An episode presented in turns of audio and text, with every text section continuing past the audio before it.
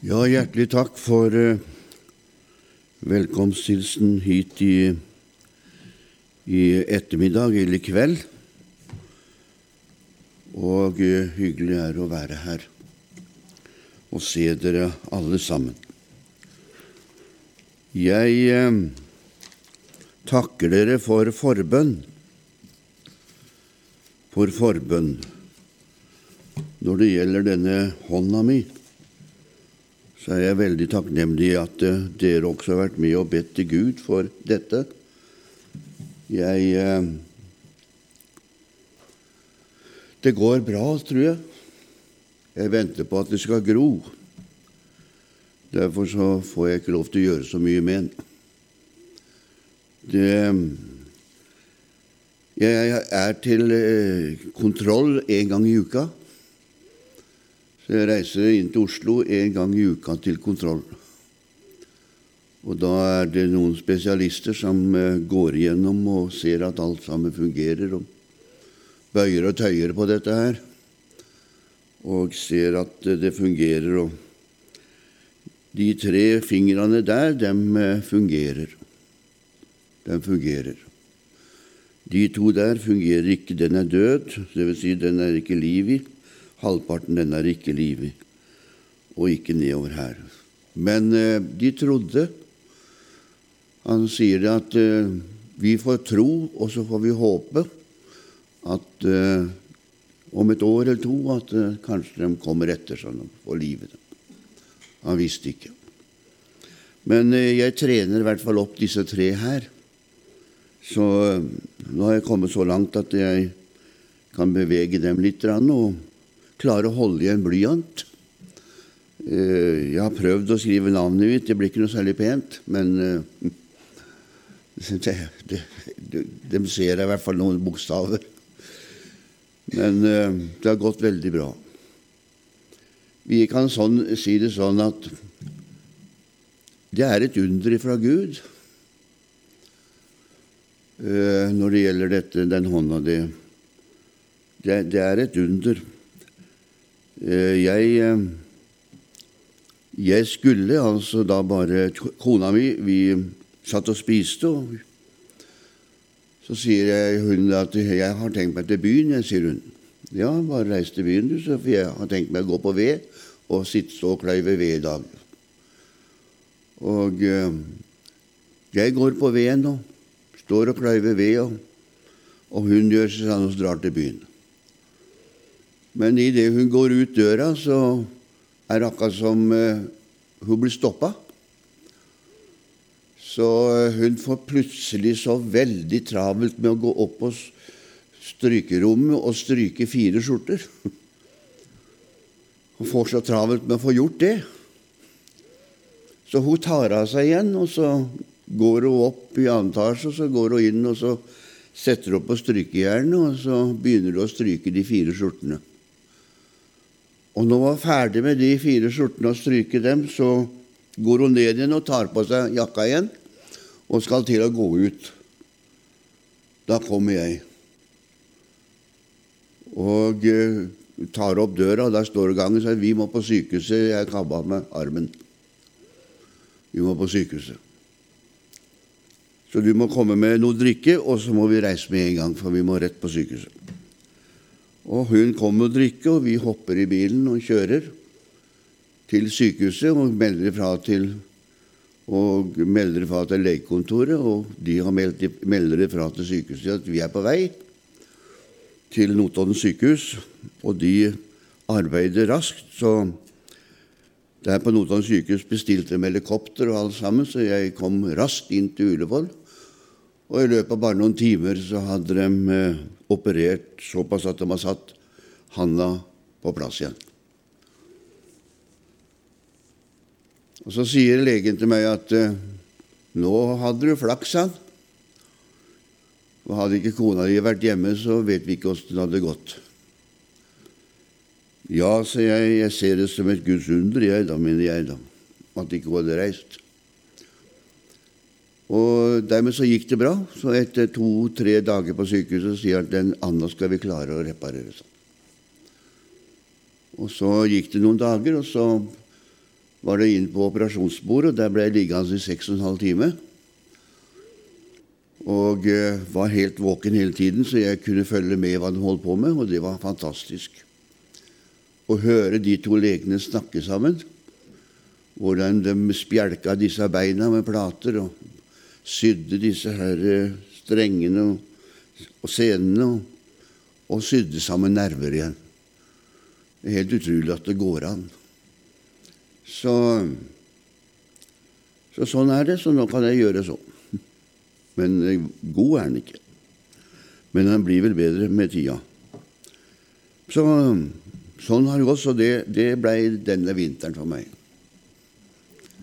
Den vinteren skulle ikke vært sånn. Jeg skulle vært med sønnen min i skogen og kjørt tømmer. Det var den vinteren jeg skulle. Jeg skulle Han hogger, og jeg kjører. Men det blei ikke noen ting av noe. Men eh, det kommer seg. Så nå håper vi og ber til Gud at det begynner å gro. At det gror. Det var det som er problemet.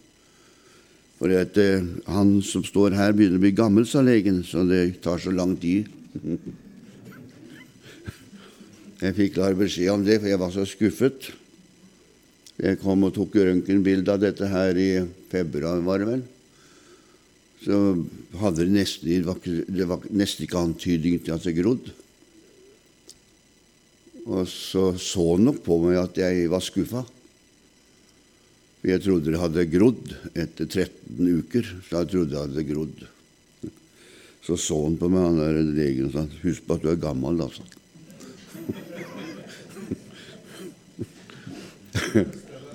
Den likte jeg ikke. Den likte jeg ikke i det hele tatt.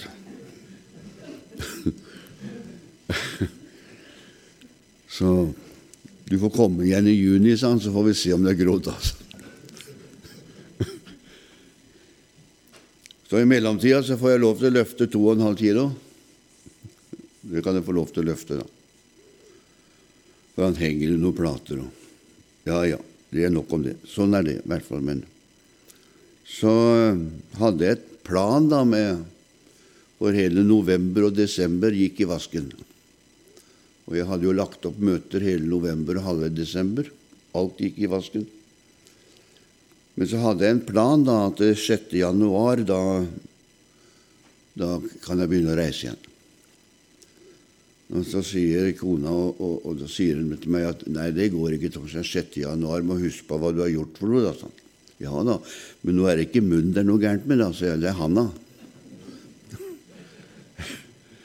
Så 6. januar så begynte jeg å reise igjen, og siden har jeg reist. Så det må noe, jeg må gjøre noe, for jeg kan ikke bare sitte. Jeg har den armen. Ja, ja, ja, det var nok om det. Men hyggelig å være her, i hvert fall. Sammen med dere i, i dag og i morgen. Og jeg, jeg eh, har tenkt nemlig på nå og det andre at vi skal tale litt om det med å be til Gud. Om å be til Gud. Vi, eh, vi eh, leser og vi hører så mye når det gjelder bønn. Det med bønn det er bare å be, det, så er alt i orden. Så ordner det seg. Da ber du ikke, så har du ikke tro nok hvis ikke du gjør det. Du må be. Og Jeg husker når jeg lå på sykehuset og det hadde skjedd dette her, så fikk jeg en del besøk. Og eh, en, noen av disse her, her som var på besøk, ba jeg å ikke nesten komme igjen. For dem skulle jeg absolutt bare be, og da skulle han da bli helt frisk igjen. Og de, de, de, de, holdt på med dette her, og jeg en gang kom inn og sa det var, det var bare til å tro det, så var, var han av frisk. Den. Så sa jeg beklager, se, men eh, sånn er, fungerer ikke, sa jeg. Å jo, det, det, var bare å tro det. Så jeg gjorde sånn. Ja, sa jeg til Nå kan jeg vel si det sånn, da, unge mann, sier jeg. Du er en ung mann, så, så har vel ikke prøvd så mye av livet, sier jeg. Men eh, en annen som har prøvd en del av livet, sier jeg vet at det fungerer ikke på denne måten, sier jeg. Eh, for vi vandrer i tro, og vi må tro. Og det er ikke slik at Gud svarer på våre bønner akkurat som det passer oss selv. Det er ikke slik. Men Gud svarer på bønna likevel, jeg. Men ikke akkurat slik som det passer oss bestandig. Så det her, her som jeg har gjort her, jeg til han unge mannen, det går sin gang, det, skjønner du. seg. Så nå har vi ordna dette, så det er Gud som må ordne resten og gjøre det som Han har skapt dette legemet til. Og det må gro, og det må ordne seg, og det tar tid og alt dette her. Så vil det løse seg til slutt. Så blir det bra til slutt. Så det er forskjellig. Noen ganger så griper Gud direkte inn, og andre ganger gjør han ikke det. Men jeg har tenkt at vi skal se litt på det med bønn. Og da skal vi hente det fra Matteus evangelium til å begynne med i kveld. Matteus evangelium, det sjette kapitlet.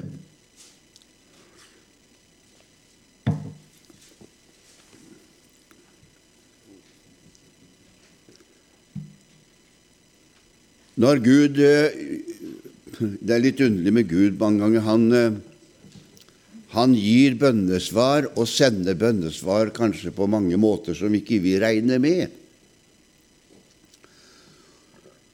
For en eh, tid siden så, eh, så leste jeg eh, Jeg vet ikke om jeg har sagt så leste jeg Jeg har noen blader hjemme, og jeg leste om en dame borte fra Amerika. Dette her var på tidlig av 1900-tallet, 1920-30, rundt der. Og denne damen, hun eh, hadde, hun hadde lånt bort noe penger til ei annen dame som bodde ca. en halvtime fra henne. Og det var ikke så lite, det var ca. 500 dollar og 500 dollar den tiden var mye penger. Og så plutselig så ringer eh, denne dama som hadde lånt disse pengene, at eh, nå kan du komme og bort, og så kan du hente pengene dine som jeg har lånt, for nå har det ordna seg, så nå har jeg fått det som skal til, så nå kan du få de pengene. Og hun sa ja, men det var fint, sa hun, så hun eh, reiste. Og så før hun reiste, så ba hun til Jesus. Kjære Gud, sa hun, kan du hjelpe meg så jeg kommer fram til den dama, og jeg kommer hjem igjen. Hun måtte gå. Og så gikk hun. Så gikk hun fram til den familien som hadde lånt pengene av henne, og hun fikk disse 500 dollarene, putta dem i veska si. Og de satt og prata en liten stund, og det begynte å skumre. Så det begynte å bli litt sånn mørkt halvmørkt på veien hjem igjen. Og så tenkte hun meg selv hva gjør jeg nå? Det er jo ikke så trygt å gå med så mye penger i veska hjem igjen. Så tenkte hun meg selv vi får be til Jesus. Og så ber hun at Gud skulle beskytte henne på veien hjem med pengene hun hadde i veska si. Og så begynner hun å vandre hjem en halvtimes tid. Og når det hadde gått en liten stund, hadde ikke gått langt, så plutselig så dykker det opp en stor, svart hund som plutselig kommer henne i møte. Først så blir hun veldig redd, for han var så stor, denne hunden, og var veldig redd, så hun tenkte sånn eh, Hva gjør jeg nå? Men eh, så skjer det underlige, sa hun, at denne hunden logrer med halen og kommer borti henne og slikker henne på handa. Og da skjønte hun min eneste gang at den hunden var ikke farlig, den var snill. Så den hunden den går ved siden av henne, følger med henne hjemover. Og når hun hadde kommet eh, nesten hjemme, så måtte hun gjennom et skogholt som var litt sånn tett med skog. Og eh, plutselig så går hunden fra den høyre side over til den venstre side mot skogholtet og stiller seg mellom skogholte hender og går sammen med henne. Og Når de hadde gått et lite stykke, kommer midt inne i det skogholtet, så plutselig så hopper den hunden inn i skogholtet, og hun hører et ordentlig knurr og basketak. Og der kommer det en mann ut, springende med hunden etter seg, som hadde tenkt å rane henne. Og den mannen, han eh, forsvinner. Og hunden kommer fredelig tilbake igjen og går ved siden av henne helt hjem til porten. Og der sitter han til hun hadde gått inn, og så lusker han av gårde. Så tenker hun. Hun takka Gud for det, og så tenker hun I morgen så må jeg passe på å undersøke hvem som eier den hunden, for den skal i hvert fall få et godt kjøttbit av meg, som takk for hjelpa. Og hun eh, begynner å undersøke rundt i nabolaget og rundt omkring. Og hun får ikke greie på Ingen har sett noen svart hund i dette området. Det fantes ikke sånn hund her. Og hun leiter, men finner ikke hunden. Og ingen har sett en sånn hund. Da skjønte hun at det var Gud som hadde sendt den hunden i hennes vei for å hjelpe henne hjem igjen med pengene. Gud gjør det på en forunderlig måte han var til. Bønn og bønnesvar. Bønnesvar kommer i form av at vi ber, og at Gud gir oss svar. Og vi skal se litt på det nå.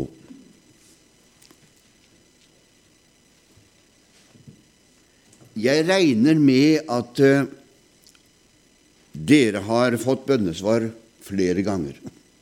Jeg regner med det.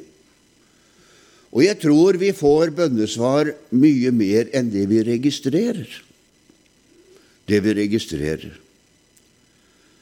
Jeg vet ikke om du ber til Gud når du er ute og reiser.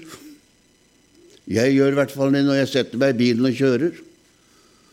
Så ber jeg til Jesus, kjære Jesus, vil du hjelpe meg så jeg kommer fram til bestemmelsesstedet og ikke møte noen dyr. Jeg er livredd for å møte dyr, for jeg har kjørt på en elg en gang, og jeg er livredd for å møte dyr. Og jeg får bønnesvar. Så når jeg kommer til bestemmelsesstedet, så har jeg ikke verken møtt noe dyr eller noen ting, og så takker jeg Jesus for Tenk at du passa på meg også denne gangen. Og når jeg kjører hjem gjennom natta mange ganger, så ber jeg samme måten Gud, vil du hjelpe meg nå i natt? Når jeg kjører hjem, at jeg ikke kommer borti noen ting. Og når jeg kommer hjem igjen, så takker jeg Gud for bønnesvar. Det er det daglige vi har å gjøre når det gjelder dette. Og det er også bønnesvar, for vi ber. Og når vi ber til Gud, så må vi i hvert fall be og tro. Vi må tro at Han svarer oss når vi ber til Ham. For at hvis vi ikke tror at Han svarer oss, så er det ikke nødvendig å be. I det som vi skal se på nå den første timen, så skal vi gå inn i noen salmer etterpå. Så ser vi at Jesu bønneliv måtte ha inspirert disiplene hans. At disiplene ba, det gjorde de. Men Jesus ba på en helt annen måte enn de var vant til å be. De var født og oppvokst blant de fariseerne og de skriftlærde. Og de hadde en helt annen forhold til Gud når det gjaldt det med bønn og det med å omfordres Gud. De tenkte først og fremst at Gud var til for dem, og ikke dem for Gud. Så de hadde et helt annet bønneliv. Og når de så på Jesus og så hans bønneliv, så må det ha inspirert dem noe kolossalt. Fordi at de kom til Jesus en dag, og så sier han, 'Du, Jesus, kan ikke du lære oss å be på samme måten som du ber. Kan ikke du gjøre det, Jesus? Og Jesus han eh, sier ja til det. Det skal jeg gjøre, sier han. Jeg skal lære dere å be. Og så gir han oss eh, den bønnen som eh, vi har bedt siden så mange ganger, Fader vår. Og hvis vi går igjennom den bønnen Fader vår, så kan vi av og til tro at det er en bønn som vi bare lirer oss igjennom, men det ligger noe inni den bønnen som er helt spesielt. Den bønnen inneholder flere faktorer. Den bønnen inneholder hvem vi henvender oss til. Den bønnen inneholder også vårt daglige liv. Og den bønnen inneholder også det livet på andre siden. Så den bønnen, Fader vår, den rammer, eller rommer, hele det et menneske kommer til å bevege seg inn i. Hele. Og det viser egentlig vår eh, omsorg Gud har for oss, ikke bare i den åndelige verden, men også i den timelige verden. Timelige verden. Så det å be til Jesus om også det daglige, det er det han prøver å lære oss gjennom denne bønnen. Jesus befinner seg ikke bare inne på et lokale. Han befinner seg i vår hverdag, der vi befinner oss de timene vi lever. Der befinner han oss. Og han vil så gjerne ha oss med, slik at vi tar med oss Jesus i alt det vi holder på med. Han vil at han vil få del i det vi holder på med, både i de små tingene så vel som i de store tingene. Vil han ha oss inn, Han vil være med. Og det forteller meg igjen at han har omsorg for oss og er interessert i det vi holder på med. Han er interessert i det vi holder på med. Derfor vil han ha oss med fra barnsben av og Derfor så lærer vi barna våre å be til Jesus. Vi lærer dem det. Og hvorfor lærer vi dem det? Jo, for at dem igjen skal lære Jesus å kjenne. Og barn er en av de som eh, lærer fortest. De lærer å be. Og de lærer ikke bare å be til Jesus, men de lærer å be til sine foreldre. For de skjønner det at eh, hvis jeg spør, hvis jeg ber om noe, så er det sjanse til å få det. Og det ikke, blir de ikke så gamle før de oppdager. Så det å be til Jesus, det er noe vi er nødt til å lære. Og når vi har begynt å lære det, så oppdager vi etter hvert som tiden går, at det lønner seg å be til Jesus. Fordi at han hjelper oss og gir oss bønnesvar. Det lønner seg. Det lønner seg i de småtingene, og det lønner seg også i de store tingene. Som nygift, helt nygift, så husker jeg det at det var dårlig med økonomi. Det var ikke så lett. Og så gikk vannpumpa i stykker. Og jeg var avhengig av den vannpumpa. Så gikk den i stykker. Og jeg visste ikke hvordan jeg skulle klare både de vanlige utgiftene og denne vannpumpa, for den kom på 1000 kroner. Jeg visste ikke hvordan vi skulle få det til. Og vann måtte vi ha. Etter måtte vi begynne å bære. Og så ba jeg til Gud. Kan du løse det problemet for meg, sier Jesus. For du ser, vann må vi ha. Og eh, den er gått i stykker. Kan du løse det problemet for meg? Og så var jeg inn på butikken Og så plutselig, mens jeg står i butikken, så hører jeg en stemme på innsiden si du skal ta et lodd i pengelotteriet. Det hadde ikke jeg gjort før. Det var helt ukjent for meg. Den gangen var det sånn pengelotteri. vet du. Og så tenkte jeg ja, ja, tenkte jeg, jeg kan ta et sånt lodd. Så jeg kjøper et lodd i pengelotteriet. Og så ble det trukket hver måned, og den måneden ble det trukket. Og eh, det resulterte i at det loddet gikk ut med 1000 kroner. Og da så jeg det som bønnesvar. Nå, det, nå kjøpte jeg ikke noe flere lodd, for jeg har ikke vinnerlykka likevel. Så det, det, er noe jeg aldri har hatt.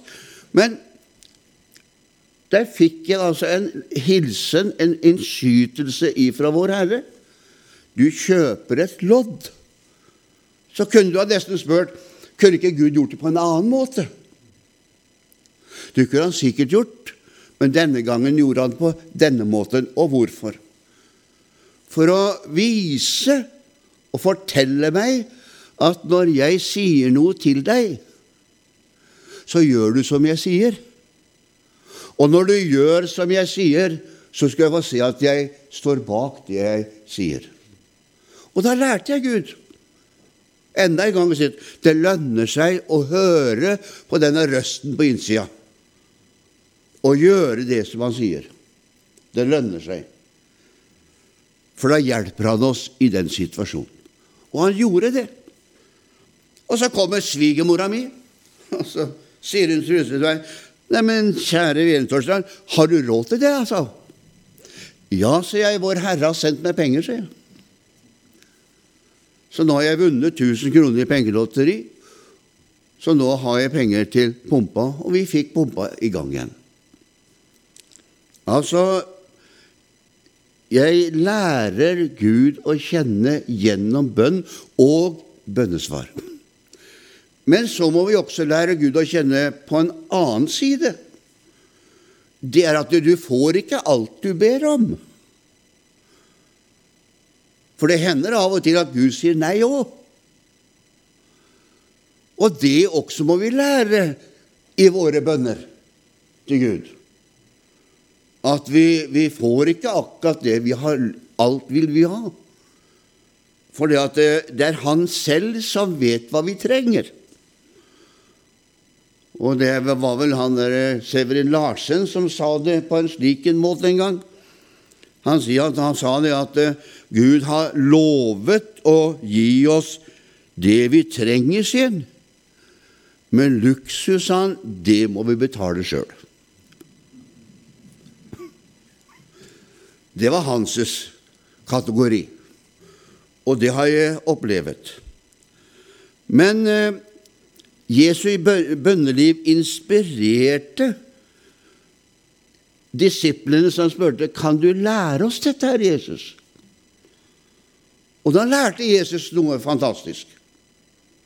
Han lærte at bønn det trenger ikke være akkurat en bønn om noe spesielt. Det kan være samtale med Jesus. Det er også bønn. Samtale med Gud. Og det kan også være bønn om hjelp og nød, eller også i glede. Så kan vi be til Gud. Og det finner vi mye gjennom salmene. Gjennom salmene. Bønnen vår, den kommer ifra hjertet vårt. Ifra vår ånd kommer denne bønnen.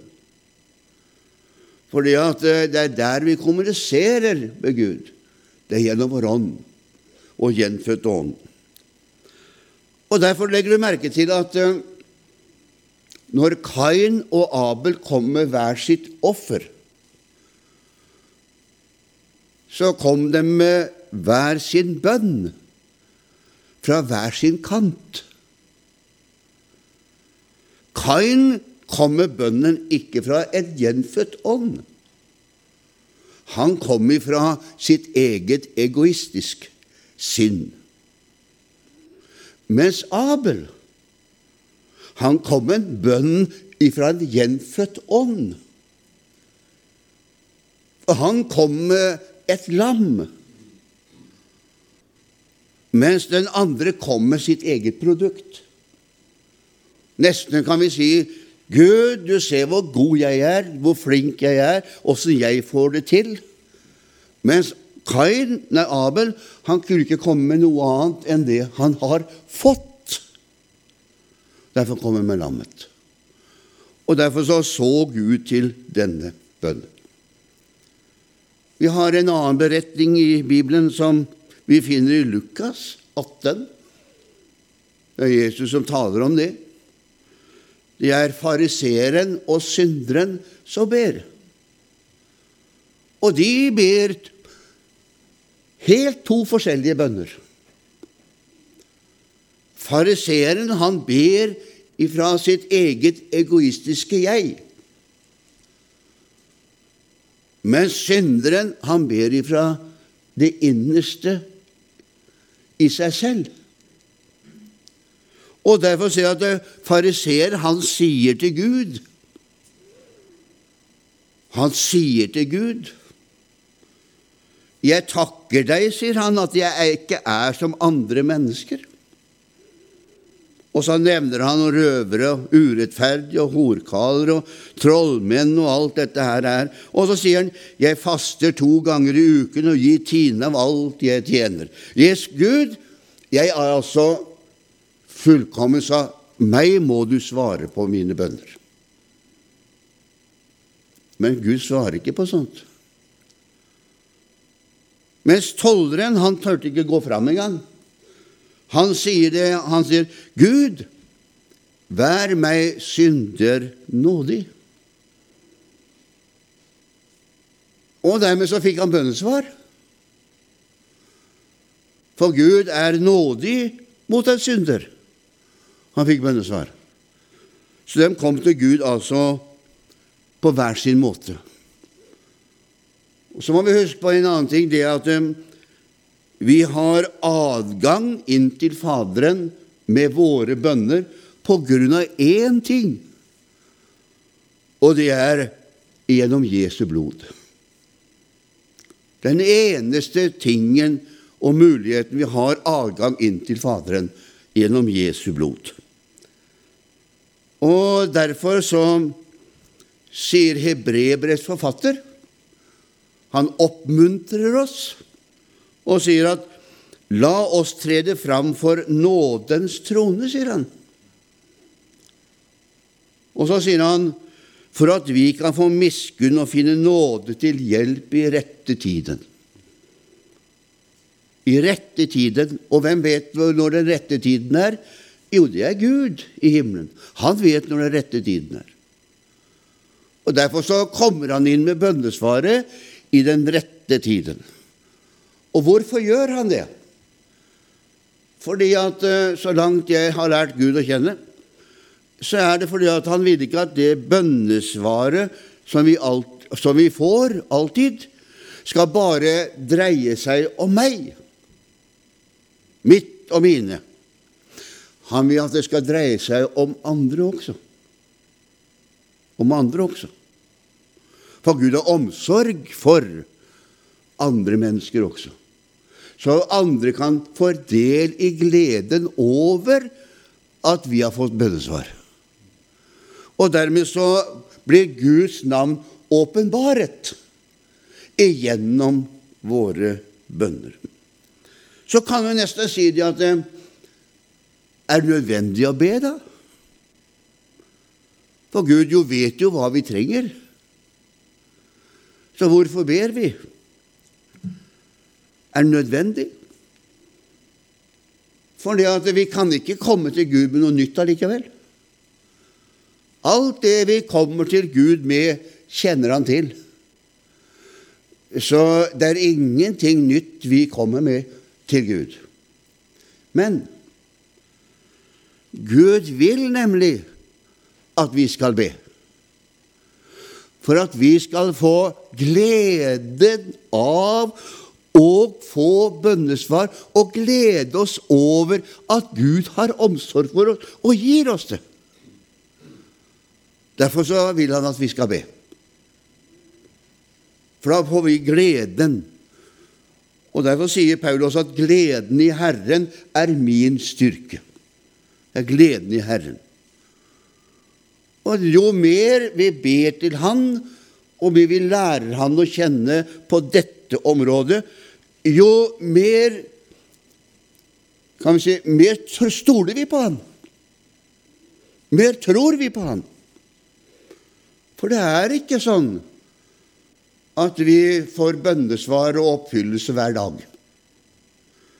Vår bror var inne på det til å begynne med, disse syv som gikk ut for å fiske.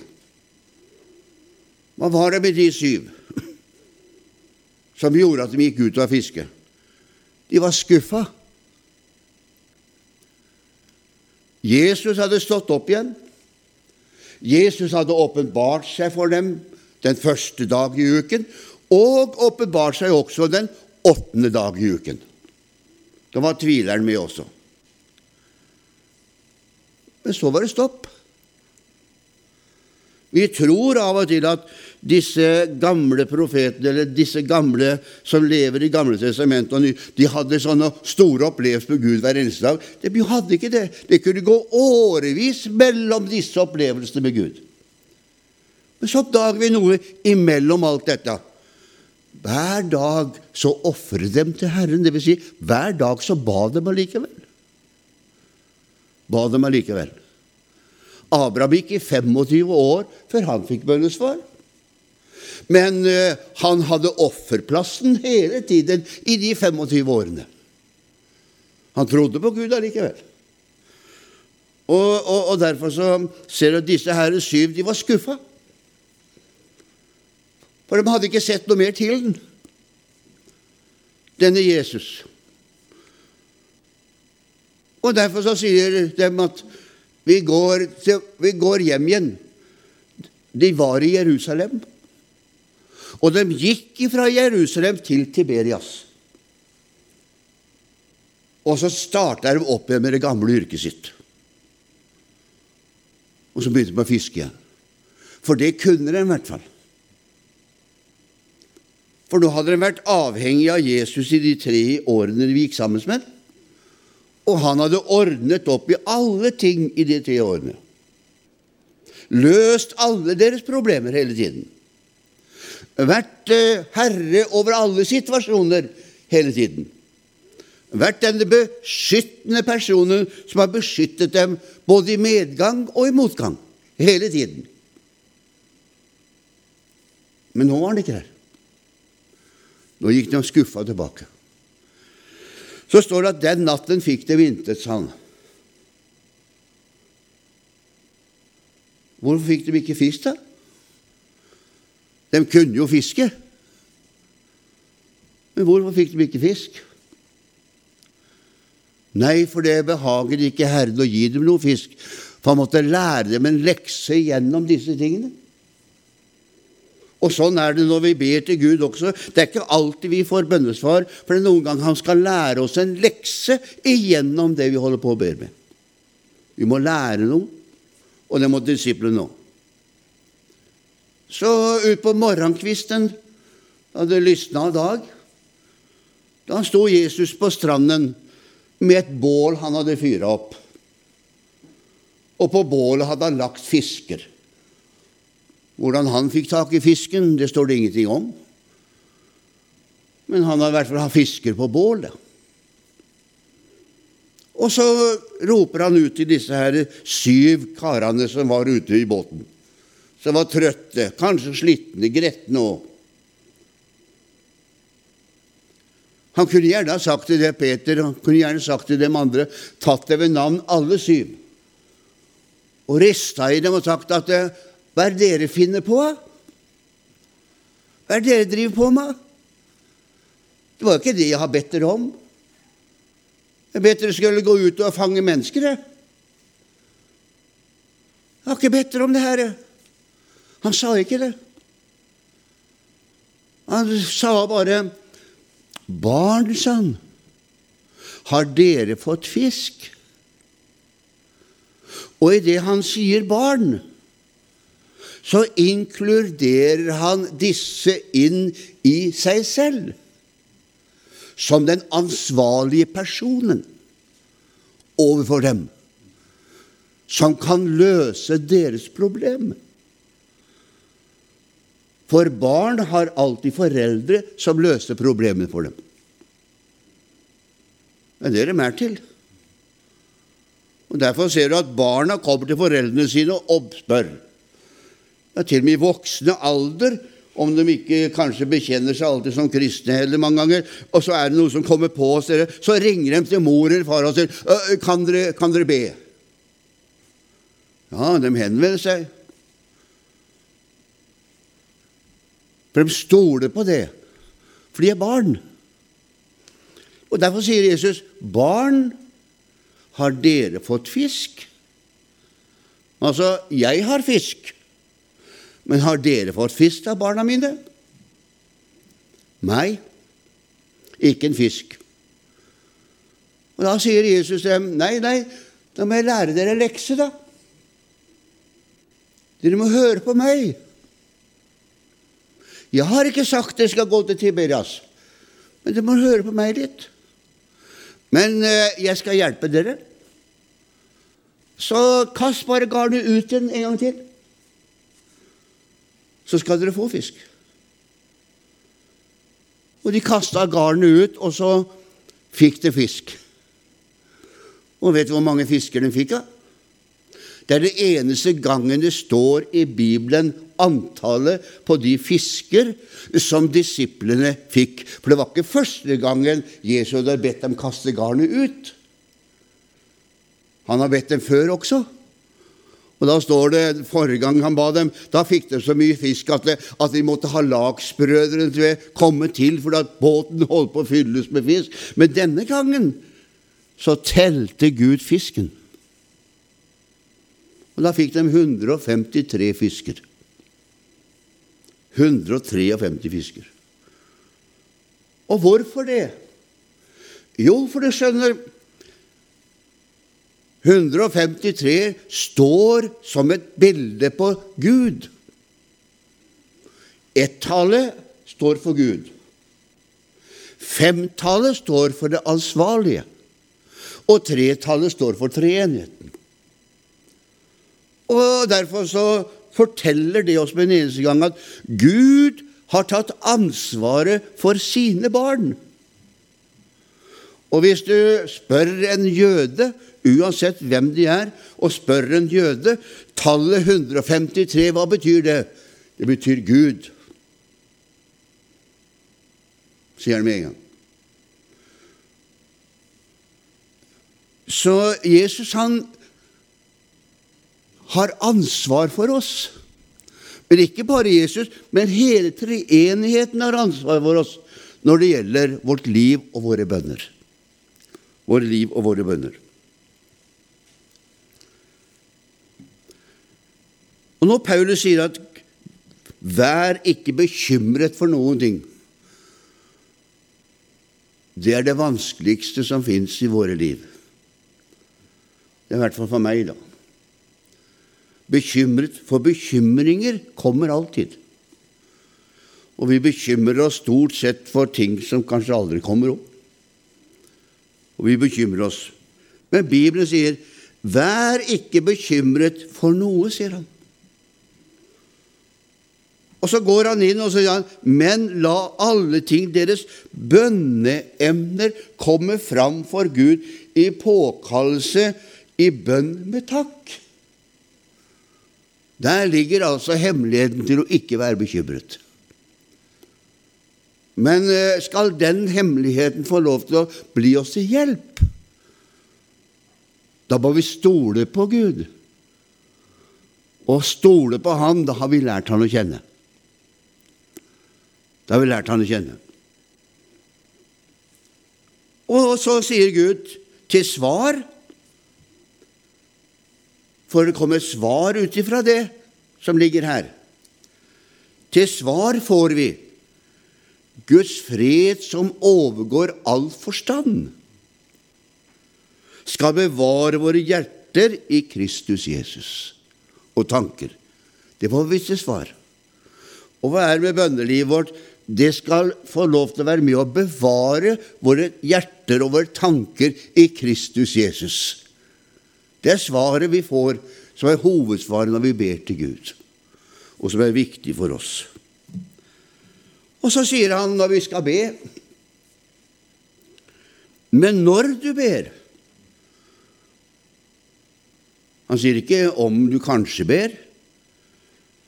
Han sier når du ber. Han regner med at vi som barn av Gud ber til ham. Han regner med det. Men når du ber, da gå inn i ditt lønnkammer og lukk din dør, og be til din far som er i lønndom, og din far som ser i det skjulte, skal lønne deg i det åpenbare. Altså, når vi ber, så går vi inn. Så lukker vi døra. Hva betyr det? Jo, det lærte jeg til slutt, da. Det betyr å lukke den verden som jeg lever i, ute. Betyr det egentlig. For det å be til Gud, det er rart, det. Jeg har aldri det så travelt når jeg skal begynne å be. Da har jeg veldig travelt. Da arbeider mange ganger denne kloden oppi her på høyspent. Og da sier denne huet mitt noen ganger 'Du skulle ha gjort det, vet du'. Det, det ja. Det må du ordne med. Det. Og, og, og, og så kommer djevelen med sin forstyrrende tanker inn i vårt tankeliv og system for å forstyrre denne stunden vi skulle ha sammen med Gud. Og så ber han oss kan du få stengt det der ute, slik at du kan få bli aleine med Jesus. Og det er det han lærer oss. Stenge alle disse tankene ute som vil ødelegge vår forbindelse sammen med Gud i vårt bønneliv.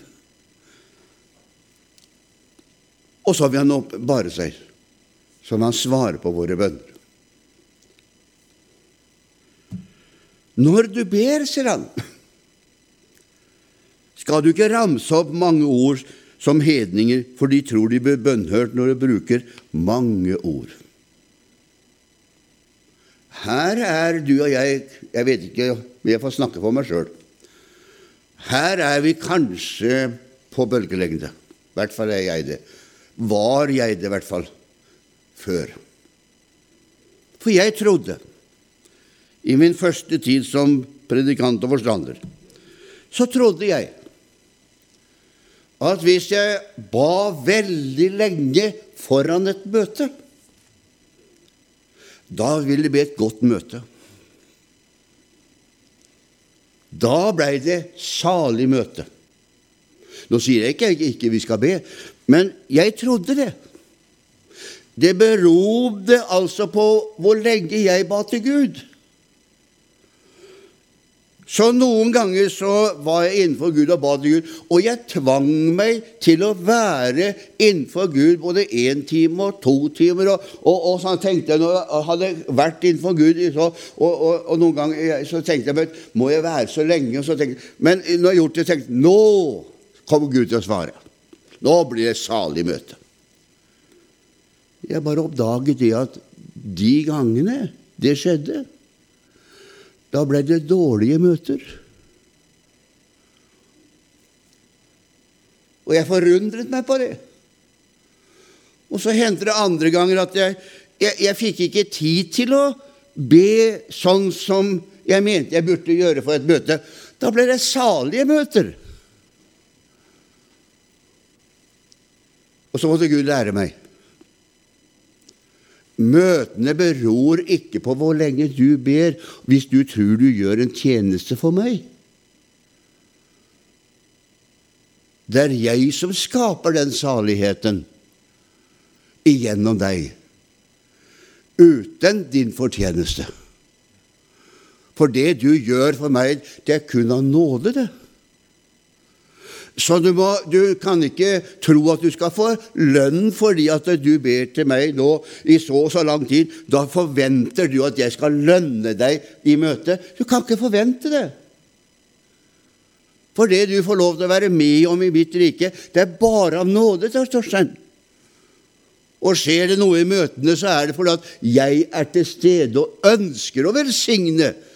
Ikke bare fordi at du ber, men det var det at det, det, er så mange av de som kommer til møtene, som har bedt for å møte de òg. Det blir sånn fellesskap. Og dermed så la jeg vekk det her.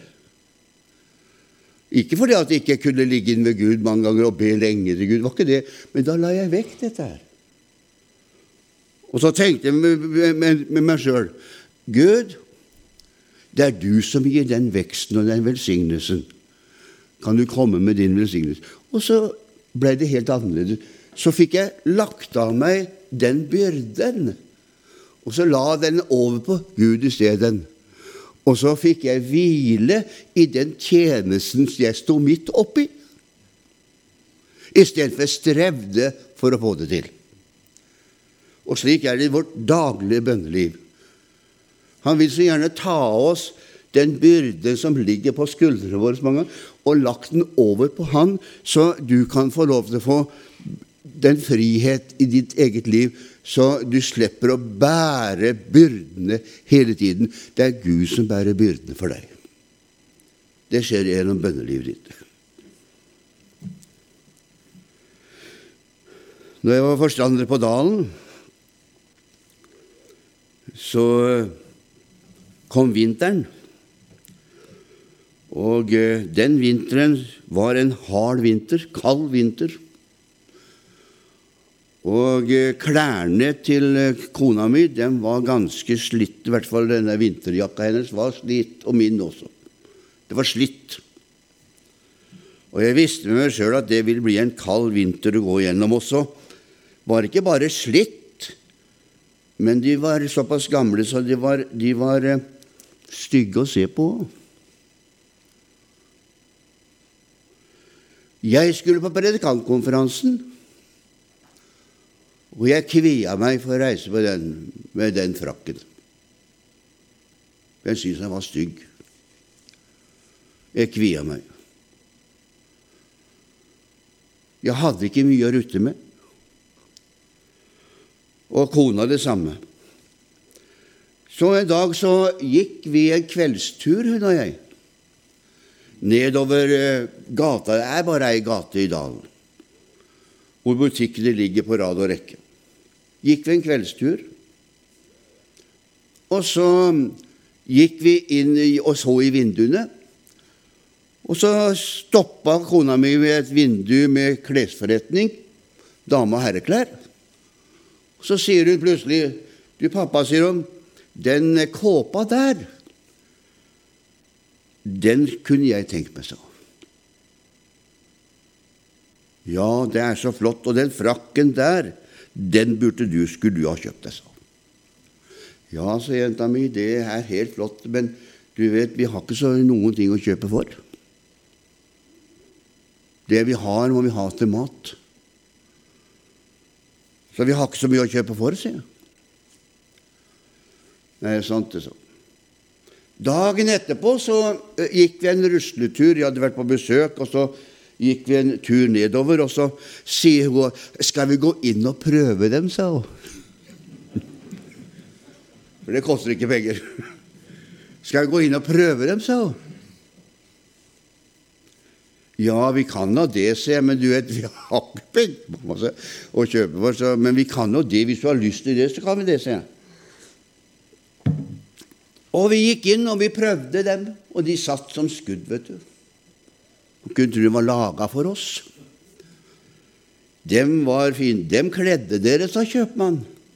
Det passa. Ja, sa jeg, det gjør det.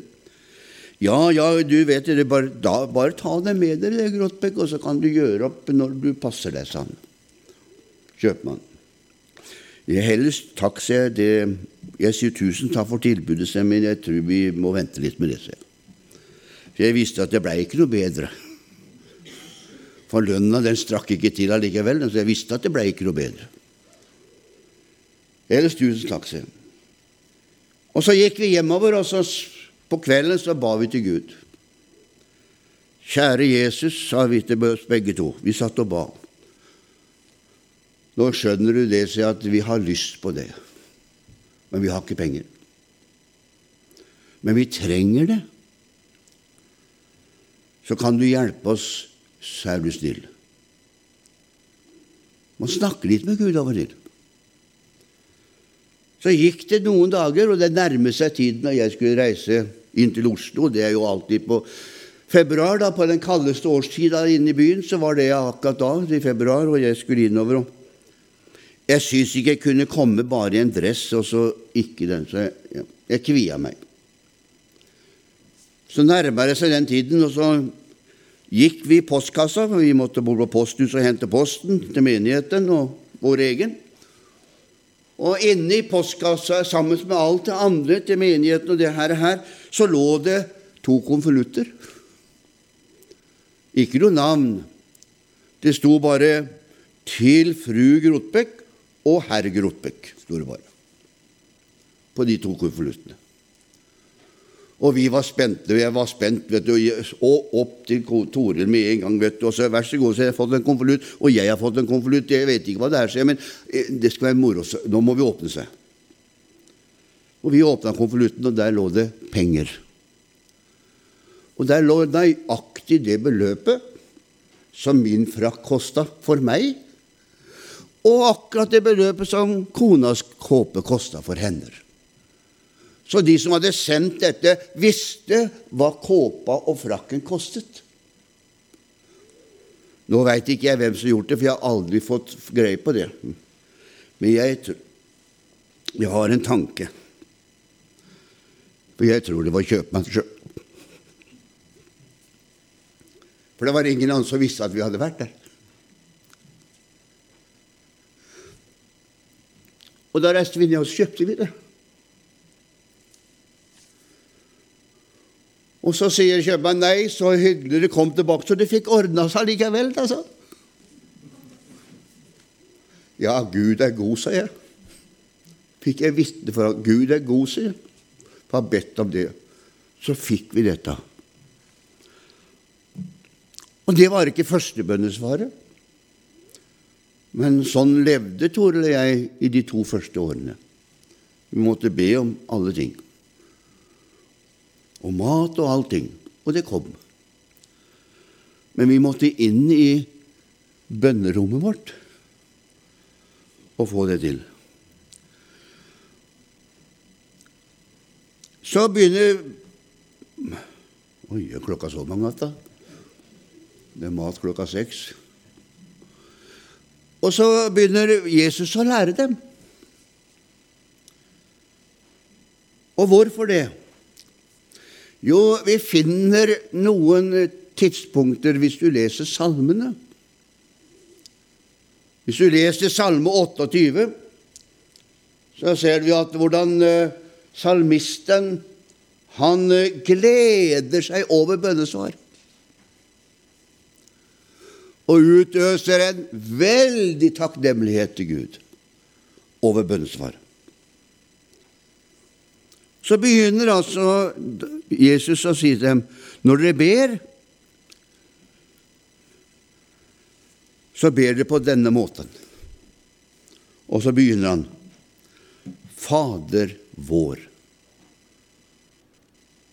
I det ordene ligger takk og lov jeg er barn av deg. Ligger i de ordene. Jeg er barnet ditt som kommer. Du er min far. Jeg er barnet ditt. Det er jeg som kommer. Fader vår. Og det gir uttrykk for min nærhet til Gud og hans nærhet til meg. Det er som jeg uttrykker Gud, det er du som har født meg. Det er du som har gjenfødt meg. Jeg er ditt barn. Og som barn Gud har jeg rettigheter som ingen andre har. Og det ser vi i ti bud. I de ti bud er barnet avsatt med noen rettigheter som ingen andre har, av velsignelser. Det er barna. Og det er det vi sier Jeg har rettighet, Gud, som barn. For du har ansvar. Fader vår, du som er i himmelen.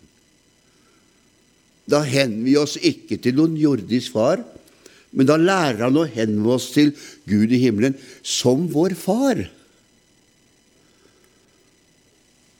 Og da blir det mer personlig.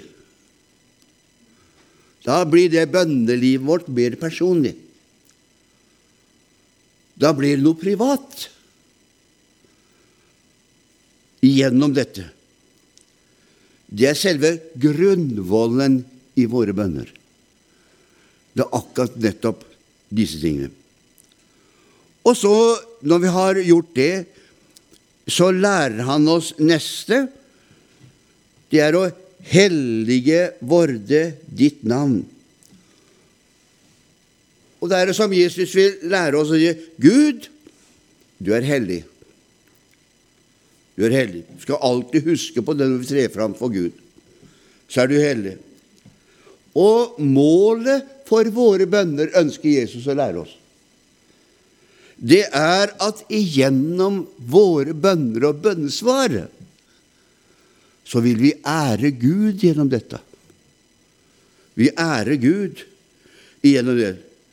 Slik som Jesus ber i sin ypperste prestelige bønn når han ber i Johannes 17. Der ber han på en slik måte at han ærer Gud igjennom sin bønn. Ære Gud.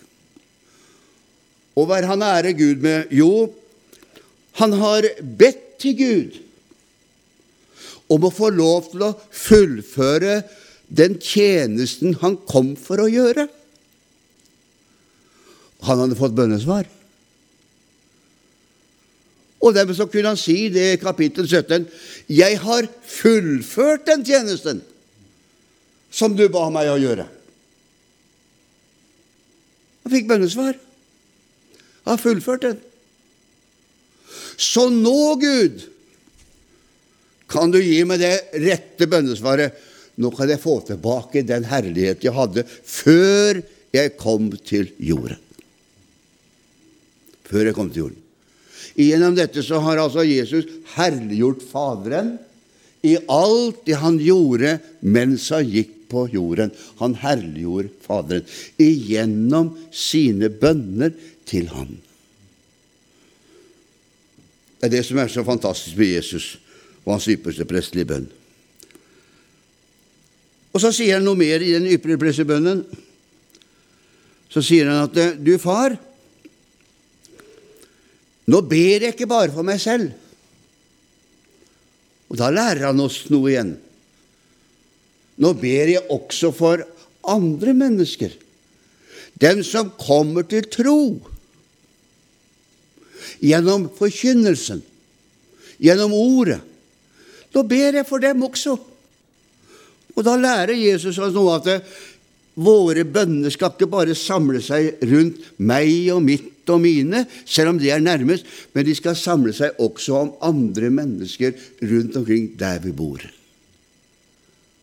For at Gud kan æres igjennom våre bønner. Og det er litt underlig med Gud. Han, han, han, vil hjelpe oss på en slik måte at vi får bønnesvar også gjennom disse tingene. Disse tingene. Og dermed så er vi med altså og oppfyller Guds herlighet og Guds velsignelse ved at vi får lov til å være med og berøre andre mennesker som vi møter på vår vei, om det er naboer rundt omkring der vi bor, igjennom våre bønner. Og det blir dem til hjelp. Det er der Jesus lærer oss på denne måten at våre bønner skal være. For andre mennesker dem, regner med at vi ber. Svigerinna mi jeg har en svigerinne. Ingen av søsknene Toril er frelst, men vi ber, og vi tror at de kommer til å bli frelst. Du må jo tro på det du ber om. Så jeg ber, og jeg tror på at de skal bli frelst. Men det er bare det at eh, når de, dem er i problemer og vanskeligheter, så kommer de alltid opp, og så ringer de. 'Du, nå må dere be for oss.' Nå må dere be for oss. For de vet at vi ber til Jesus. De tar det for gitt, det. Og så tror de også at når vi ber til Jesus, så får de bønnesvar. Ser du her? Det tror jeg på. Fordi at de tror at du har sånn kontakt med han der oppe, som en sa til meg. At når du snakker med han, da blir det bedre enn når jeg snakker med han. For du kjenner han. Han sa det sånn, han naboen min. Du kjenner han, du, vet du, sa han. Ja da, sier jeg til ham. Jeg kjenner han, sier jeg. Men du kan jo bli kjent med han, du òg. Ja, men du vet, han hører mer på deg enn han gjør på meg, sånn. Nei, han gjør nok ikke det, sier jeg. Han hører helt likt på oss begge to, sier jeg. Så det går sikkert bra, det, Øyvind, sier Men vi skal be. Og vi gjorde det. Og vi fikk bønnesvar. Så Øyvind han ble frisk igjen, han. Og levde noen år til. Og så ble han plutselig sjuk igjen. Og så da, vet du, da var han ikke sein. Så da kom han igjen, han. Og så sier han til meg, du, du Grotbekksand, for han brukte alltid etternavnet disse her. Du Grotbekksand, nå må du snakke med henne igjen, sa han. Å ja vel, ja, se. Hva er det som er galt? Jo, han hadde fått hjerteinfarkt, så nå må du snakke med henne igjen, sa han. Ja, jeg skal gjøre det, Øyvind, jeg skal samtale, ta en samtale med henne, jeg, se. Men det kan jo du gjøre òg. Ja, kan jeg vel det, kanskje, sa han. Jeg syns du burde prøve, jeg, sa. Men jeg skal ta og snakke med deg, sa Ja, for du kjenner han så godt, vet du, sa han. Han brukte sånn uttrykk. Du kjenner han så godt. Ja da, jeg kjenner han godt, sa Men eh, kan ikke du også snakke litt med henne, så blir du kjent med han. Så gikk det bra denne gangen òg. Så Øyvind ble frisk igjen. Han kom ut igjen fra sykehuset overlevde det hjerteinfarktet. Men så gikk det tredje gangen. Da fikk han enda et hjerteinfarkt til. Og, og, og da, da, kom han igjen. Og ringte på og spurte er du hjemme. sånn? Ja, jeg er hjemme. Så. Ja, nå må jeg på sykehuset igjen, så er det nytt hjerteinfarkt. Sånn. Men du, du, kan du gjøre som sist, sa han? Kan du be? Ja, Eivind, sa jeg. Men åssen eh, går det med deg? Fikk du snakka med sa jeg. Ja, jeg har begynt å snakke med henne, jeg han. Ja, men så flott, Eivind.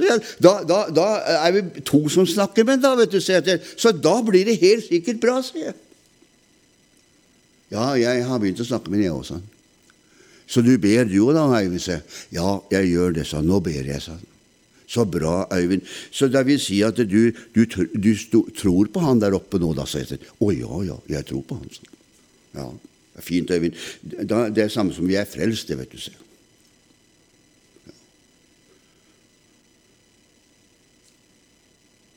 Så gikk det jeg vet ikke hvor lang tid, halvt års tid. Plutselig så sovna han inn på sofaen hjemme. Men da hadde han snakka med han der på forhånd fordi at han spurte om jeg kunne prate med han. For han regna med at jeg ba. Det regna med at jeg ba. Og det å be til Gud, det er helt naturlig. Det skal ikke være noe sånn veldig Det er naturlig når vi ber til Gud på denne måten. Så sier han Nå må du be på det. Komme ditt rike. Skje din vilje som i himmelen så på jorden. Komme ditt rike. Det ber vi om. Og jeg regner med at du ber om at Guds rike skal komme. At Guds rike skal vokse. At det skal skje noe i Guds rike. Og at Guds vilje skal skje i himmelen, også på jorden. Jeg regner med at du ber om det. Og hva er Guds vilje, da? Guds vilje er at alle mennesker skal bli frelst og komme til sannhetserkjennelse. Det er Guds vilje. Det er Guds vilje. Og det betyr igjen at når vi ser det, da forandrer vårt syn på mennesker seg. Det er ikke noe som heter store syndere og små syndere og fine syndere og stygge syndere. Da forandrer bildet på mennesket seg. Da begynner vi å se alle mennesker, uansett eh, hvor de befinner seg på rangstigen, som mennesker som Jesus har dødd for, og som trenger frelse, og som Gud er glad i. Da forandrer synet seg på mennesker. Og da får vi et nytt syn på menneskene som vi omgås med, og som ikke vi har lyst til å omgås med. Det hender det at vi har ikke lyst til å omgås med. Det er noen. Men bønnen forandrer vårt liv. Og derfor så når vi ber til Gud, og vi får snart slutt med det Når vi ber til Gud, så er det ikke slik at vi forandrer Gud. Han kommer ikke til å forandre seg. Og ikke klarer vi å påvirke den heller. Og ikke klarer vi å smigre den heller. Men det er Gud som forandrer oss gjennom våre bønner. Det er Han som forandrer deg og meg, så vi blir annerledes. Det er det som ligger der. Og når vi blir annerledes, da ser vi det Gud ser i menneskene. Og hva som skjer da? Jo, da skjer det noe merkelig i vårt indre. Da begynner vi å få nød for syndere. Det er merkelig. Mennesker som vi ikke kjenner. Plutselig får vi nød for dem. Mennesker som er rundt omkring. Plutselig får vi nød for dem. Og plutselig så begynner vi å be for dem. Fordi at bønnen forandrer meg, og den forandrer deg. Slik at vi blir mer lik Gud på dette området og får nød for syndere. Og som jeg pleier å si av og til Du skjønner at det, det fins bare én vei inn i evigheten, og den går enten gjennom Jesus eller gjennom djevelen. Og så kom, er det ikke muligheter for å hente det tilbake. Evigheten er så lang. Og det går ikke an å snu. Så du må ikke tro på det dem som, for dem. Det er noen som lærer det nå, da. At det går an å dø, be, be for de døde sjeler. At de døde sjeler skal komme ut av skjærsilden og komme inn i Guds rike hvis vi ber veldig lenge for dem. Det er dem som lærer det også i vår tid. Men det gjør de ikke. Er de gått over på den andre siden, så blir de der for evig. Og Derfor så sier jeg det at evigheten er så lang at jeg vil så gjerne at alle mennesker skal bli frelst, slik at de fikk en evighet sammen med Jesus i himmelen for evig. For det unner jeg dem. For du får Guds hjerte og Guds nød når du ber. For han påvirker deg til å be. Amen. Skal vi fortsette neste time?